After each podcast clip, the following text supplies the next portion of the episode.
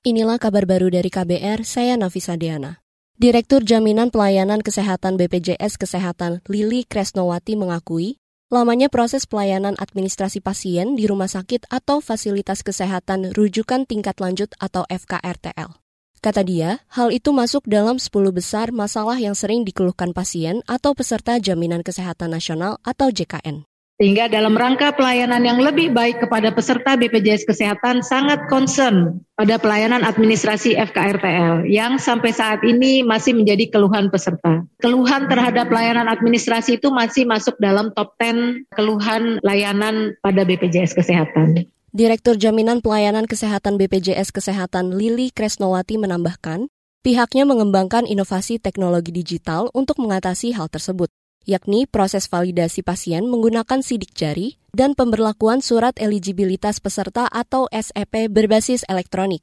Lili mengklaim, dua inovasi itu mempercepat layanan administrasi peserta JKN, mencegah penyalahgunaan kartu peserta, mengurangi beban operasional rumah sakit, dan mengurangi penggunaan kertas. Saat ini baru 670-an rumah sakit yang menerapkan validasi sidik jari dan SEP elektronik. Kita beralih ke informasi selanjutnya. Pemerintah Kabupaten Aceh Utara Provinsi Aceh membatasi acara buka puasa bersama antara laki-laki dan perempuan yang bukan muhrim atau tidak terikat keluarga. Menurut juru bicara Pemkap Aceh Utara Muslim Arali, mereka dilarang buka puasa bersama dengan duduk satu meja, baik itu di warung kopi, kafe, dan restoran. Larangan ini diatur dalam seruan bersama Forum Komunikasi Pimpinan Daerah atau Forkopimda setempat. Kita mempersempit ruang bagi pihak-pihak tertentu untuk berbuat hal-hal yang dapat membatalkan pahala ibadah puasa itu sendiri. Momen buka puasa bersama adalah hal yang lazim dilakukan dalam bulan suci Ramadan dan diikuti atau dilaksanakan oleh berbagai kalangan.